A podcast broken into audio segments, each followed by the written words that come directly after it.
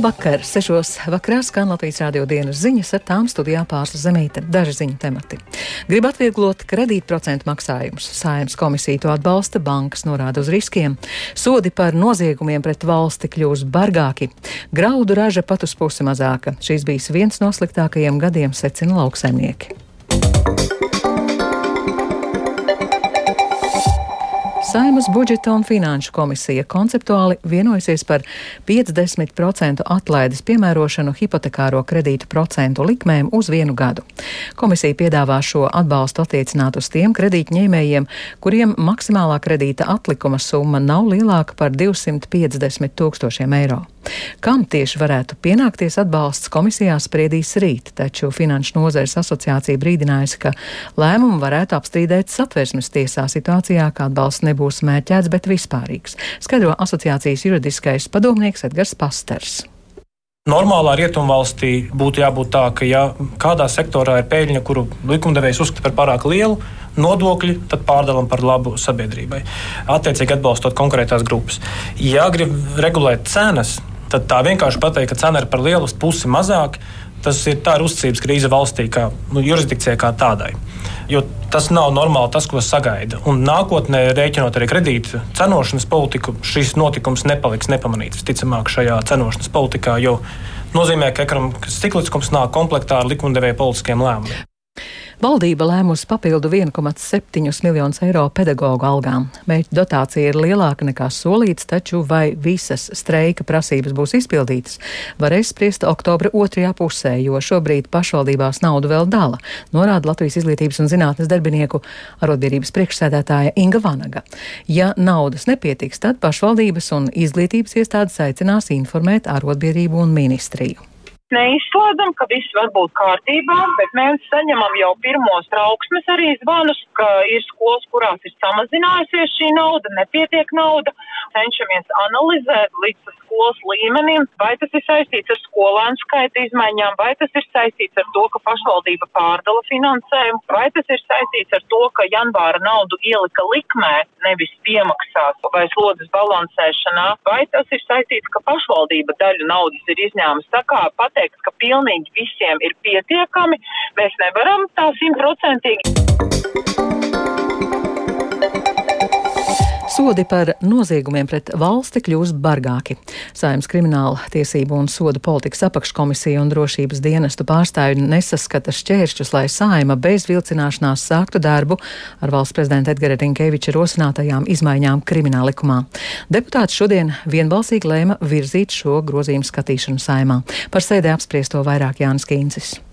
Valsts prezidenta rosinātie grozījumi paredz izmaiņas trīs esošos krimināla likumu pantos un vienu jaunu pantu. Rosināts bargāks cietumsots par tādiem noziegumiem kā apvienošanās grupā ar darbībām pret Latviju, palīdzība kādai ārvalstī pret Latviju vērstā darbībā, tajā skaitā valsts noslēpuma nelikumīga vākšana un nodošana ārvalstī, kā arī pretvalstiskas spiegošanas organizēšana vai vadīšana. Rosināts vēl bargāks cietumsots, ja šādās darbībās pieķerta valsts amatpersona. Par šādiem pārkāpumiem papildus paredzēta probācijas uzraudzība un arī mantas konfiskācija, jo šādas darbības var motivēt mantkārīgi nolūki. Būtiska nianses ir arī atteikšanās likumā no mazāka soda iespējām par šādiem pārkāpumiem, tajā skaitā izlaicīgas brīvības atņemšanas. Atbalstu šiem likuma grozījumiem pauž valsts drošības dienests, satversmes aizsardzības birojas, militārās izlūkošanas un drošības dienests, kā arī ģenerāla prokuratūra.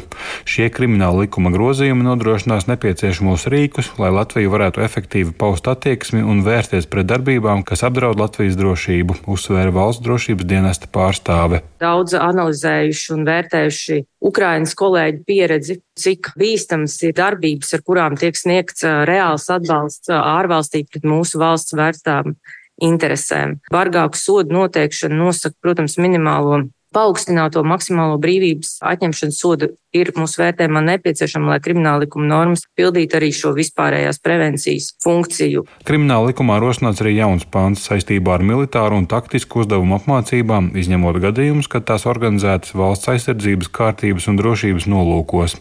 Saistībā ar šo piedāvāto regulējuma punktu deputāts Edmunds Teirumnieks no Nacionālās apvienības interesējās, vai to varētu attiecināt arī uz kaujas imitācijas spēlēm. Bieži izskanēja, ka airsoft apmācības, kas arī ir ar militāru arī taktisku izvirzi vai un kādā veidā tās apmācības kontrolētas cik daudz un kādā veidā mēs piedāvāto pantu uz to varam attiecināt.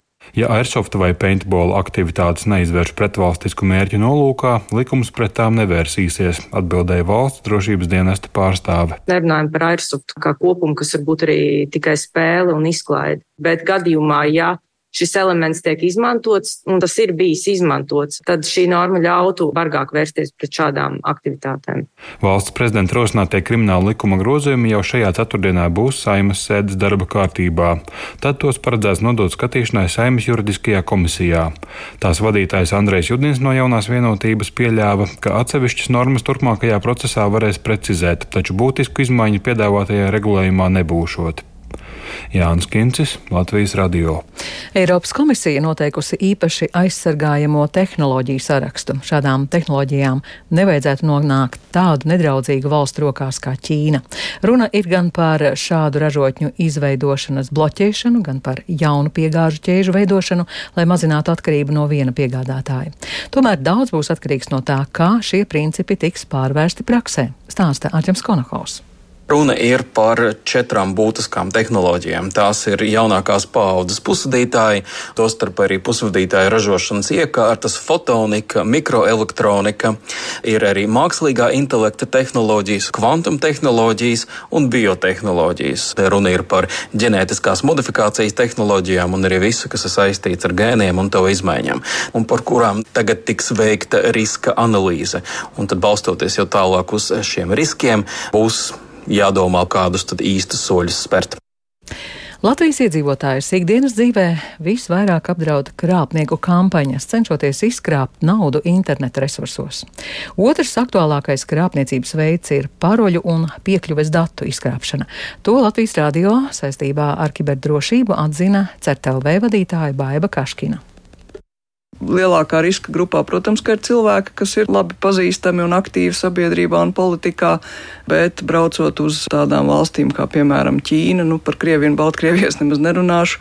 Es domāju, ka jebkuram būtu prātīgi neņemt līdzi savu ierīci pilnu ar visu informāciju, kas tur ir ikdienā, bet padomāt par iespēju tiešām paņemt tukšu kaut ko. Šai ierīcei var piekļūt klāt pat neatņemot cilvēkam to ierīci. Ir dažādas metodas, jā, tā varbūt nav gluži mūsu specifika, bet vairāk spēcdienestu būtu jautājums, bet, protams, ka ir, ir dažādas iespējas.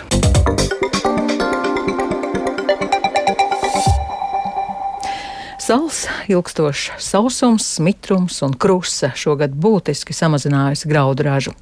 Lauku konsultāciju centrs lēš, ka ražas samazinājums ir 20 līdz 50% apmērā, un šis bijis viens no sliktākajiem ražas gadiem.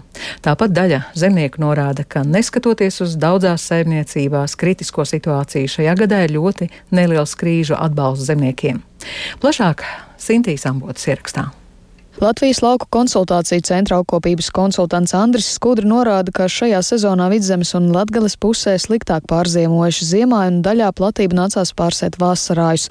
Vēlāk visā Latvijā sējuma būtiski cieta no sala un sausuma, kas arī samazināja graudu ražu. Savukārt augustā vētra un krūsa vairākos novados izpostīja sējumus. Augkopības eksperts lēš, ka saimniecībās graudu ražas samazinājums ir 20 līdz 50% apmērā salīdzinot ar pagājušā gada ražu. Kvieši tie ir ir sarukuši no 5 tonām uz 4,2 tonām. Ziemā jau platības mums samazinājās līdz ar šiem bojājumiem ziemas periodā. Savukārt palielinājās vasarā, bet vasarāju gāžas ļoti zemas, kurzemē, vidzemē tās svārstījās 1,5, 3,5 tonnas. Savukārt salacgrīves zemnieku saimniecības robežnieku saimniece Ievalpa Izemberga saka, ka ražas samazinājums salu un ilgstošā sausuma dēļ ir dramatiskāks ziemeļvidzemē, jo šajā saimniecībā, piemēram, rapša raža parasti ir ap 3,5 tonnas no hektāra, bet šogad nokultas 0,8 tonnas. Vidēji saimniecībā iegūts vien 40% no pēdējo trīs gadu vidējās ražas. Laukus bijām apdrošinājuši pret ļoti daudz dažādiem riskiem, izņemot salu un izņemot katastrofālo sausumu. Sausuma risks bija nu, samērā dārgs, un mēs rudenī izvēlējāmies šo sausumu risku neņemt. Bioloģiskās lauksaimniecības asociācijas vadītājs Gustavs Norkārklis arī apstiprina vairāk lokāli lielus ražas kritumus graudaudzētājiem, kā arī norāda, ka neskatoties uz daudzās saimniecībās kritisko situāciju, šajā gadā ir ļoti neliels krīžu atbalsts zemniekiem. Par kredītu procentu atmaksu esošajiem trūkstošo naudu pieliek klāt, un pieteikšanās sen jau ir beigusies, un reāli tie lauksaimnieki, kam nav kredīta saistība vai lietota tehnika kredītos ir pirkta, tad tie visi palikušais strīpas, tikai neliels skaits izredzēto, kam ir kredīta saistības ar jaunu tehniku vai zemes iegādi, tiem tad krīzē atbalsts būs. Zemkopības ministrijas aplēses liecina, ka lauksaimniecības nozare šogad dažādu nelabvēlīgu apstākļu dēļ zaudēs 412 miljonus eiro.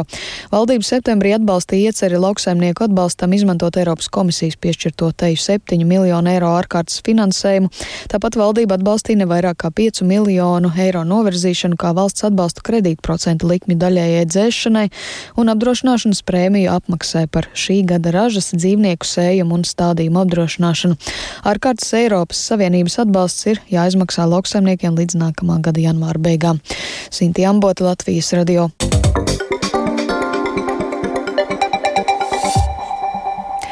Šodien 80. dzimšanas diena ir skatītāju iemīļotam aktierim Ulim Dumpim. Gan teātrī, gan kino viņš darbojas ražīgi un daudzpusīgi. Režisors Edmunds Freibergs uzskata, ka Ulim Dumpim piemīt ļoti laba aktieriskā intuīcija, un viņš ir cilvēks, ar kuru ir viegli un patīkami sadarboties. Vienā vārdā viņš ir ļoti pozitīvs cilvēks. Lai gan es zinu, ka viņam varbūt brīžam arī šo pozitīvismu ir bijis grūti saglabāt, jo, kā saka, visādi dzīves pārbaudījumi arī. Bet ar viņu vienmēr ir patīkami kontaktēt, tāpēc, ka uh, viņš nekad nav īgans, sarūzis, nekad nav dusmīgs. Viņu mīl, tiešām viņu mīl gan kolēģi, gan teātrī, gan visā Latvijā, kur viņš parādās. Tur uzreiz iestājās tāda tiešām tā, saku, pozitīva gaisotne viņa klātbūtnē. Jā. Un piebildīšu, ka Latvijas radio Šovakar pēc ziņām desmitos pirmatskaņojums ielūdz eh, radioteātris, kas būs Ingvildas Trautmanas veidots veltījums jubilāram. Vēl par sportu. Latvijas izlases basketbolists Dāvis Bērtāns, kurš jaunajā sezonā pārstāvēs Nacionālās basketbola asociācijas klubu Oklahoma City pērkons nesatraucās par savu spēles laiku jaunās komandas rindās. Aizvadītajā sezonā 30 gadus vecais Bertāns Dallasas Maveriks rindās aizvadīja 45 spēles, vidēji mačā laukumā pavadot 11 minūtes, gūstot 4,6 punktus un izcīnot vienu atlēkušo bumbu. Par sajūtām jaunajā komandā stāsta Dāvis Bertāns. Uh, Šeit esmu tikai divas nedēļas. Vienu reizi izdevies uzspēlēt 5 pret 5. Protams, ka komanda ar jauniem spēlētājiem paies kāds laiks līdz pieradīšu, ka esmu vecākais basketbolists komandā. Jocīgi teikt, ka 30 gadu vecumā esmu vecākais komandā. Visi ir pilni enerģijas, laba gaisotne, katrs strādā smagi pirms sezonas. Man kā vecākiem spēlētājiem ir patīkami būt starp jauniem komandas biedriem un gūt sev papildu enerģiju.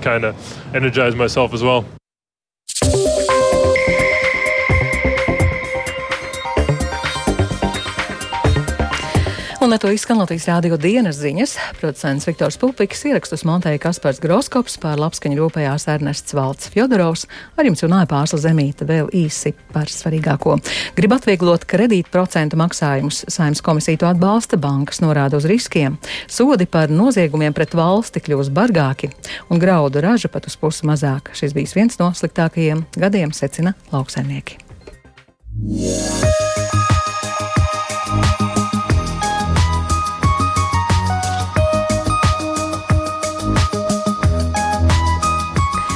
Latvijas vidus geoloģijas un meteoroloģijas centrs informē Rīgā pat labāk 20 grādi, dienvidu vējš 5 m2, gaisa spiediens 755 mm, gaisa relatīvais mitrums 77%. Bet par to, kāds laiks gaidāms turpmāk, stāsta sinoptiķe Ilze Golubeva. Trešdien laiks būs lietains, vējains un arī gaisa temperatūra nu jau būs par dažiem grādiem zemāka. Gan naktī, gan arī dienā palaikam līs vietām stipri un iespējams arī pērkona negais. Dienvidrietumu rietumu vēju brāzmās pastiprināsies līdz 15-19 metriem sekundē, bet piekrastē pat līdz 20-23 metriem sekundē.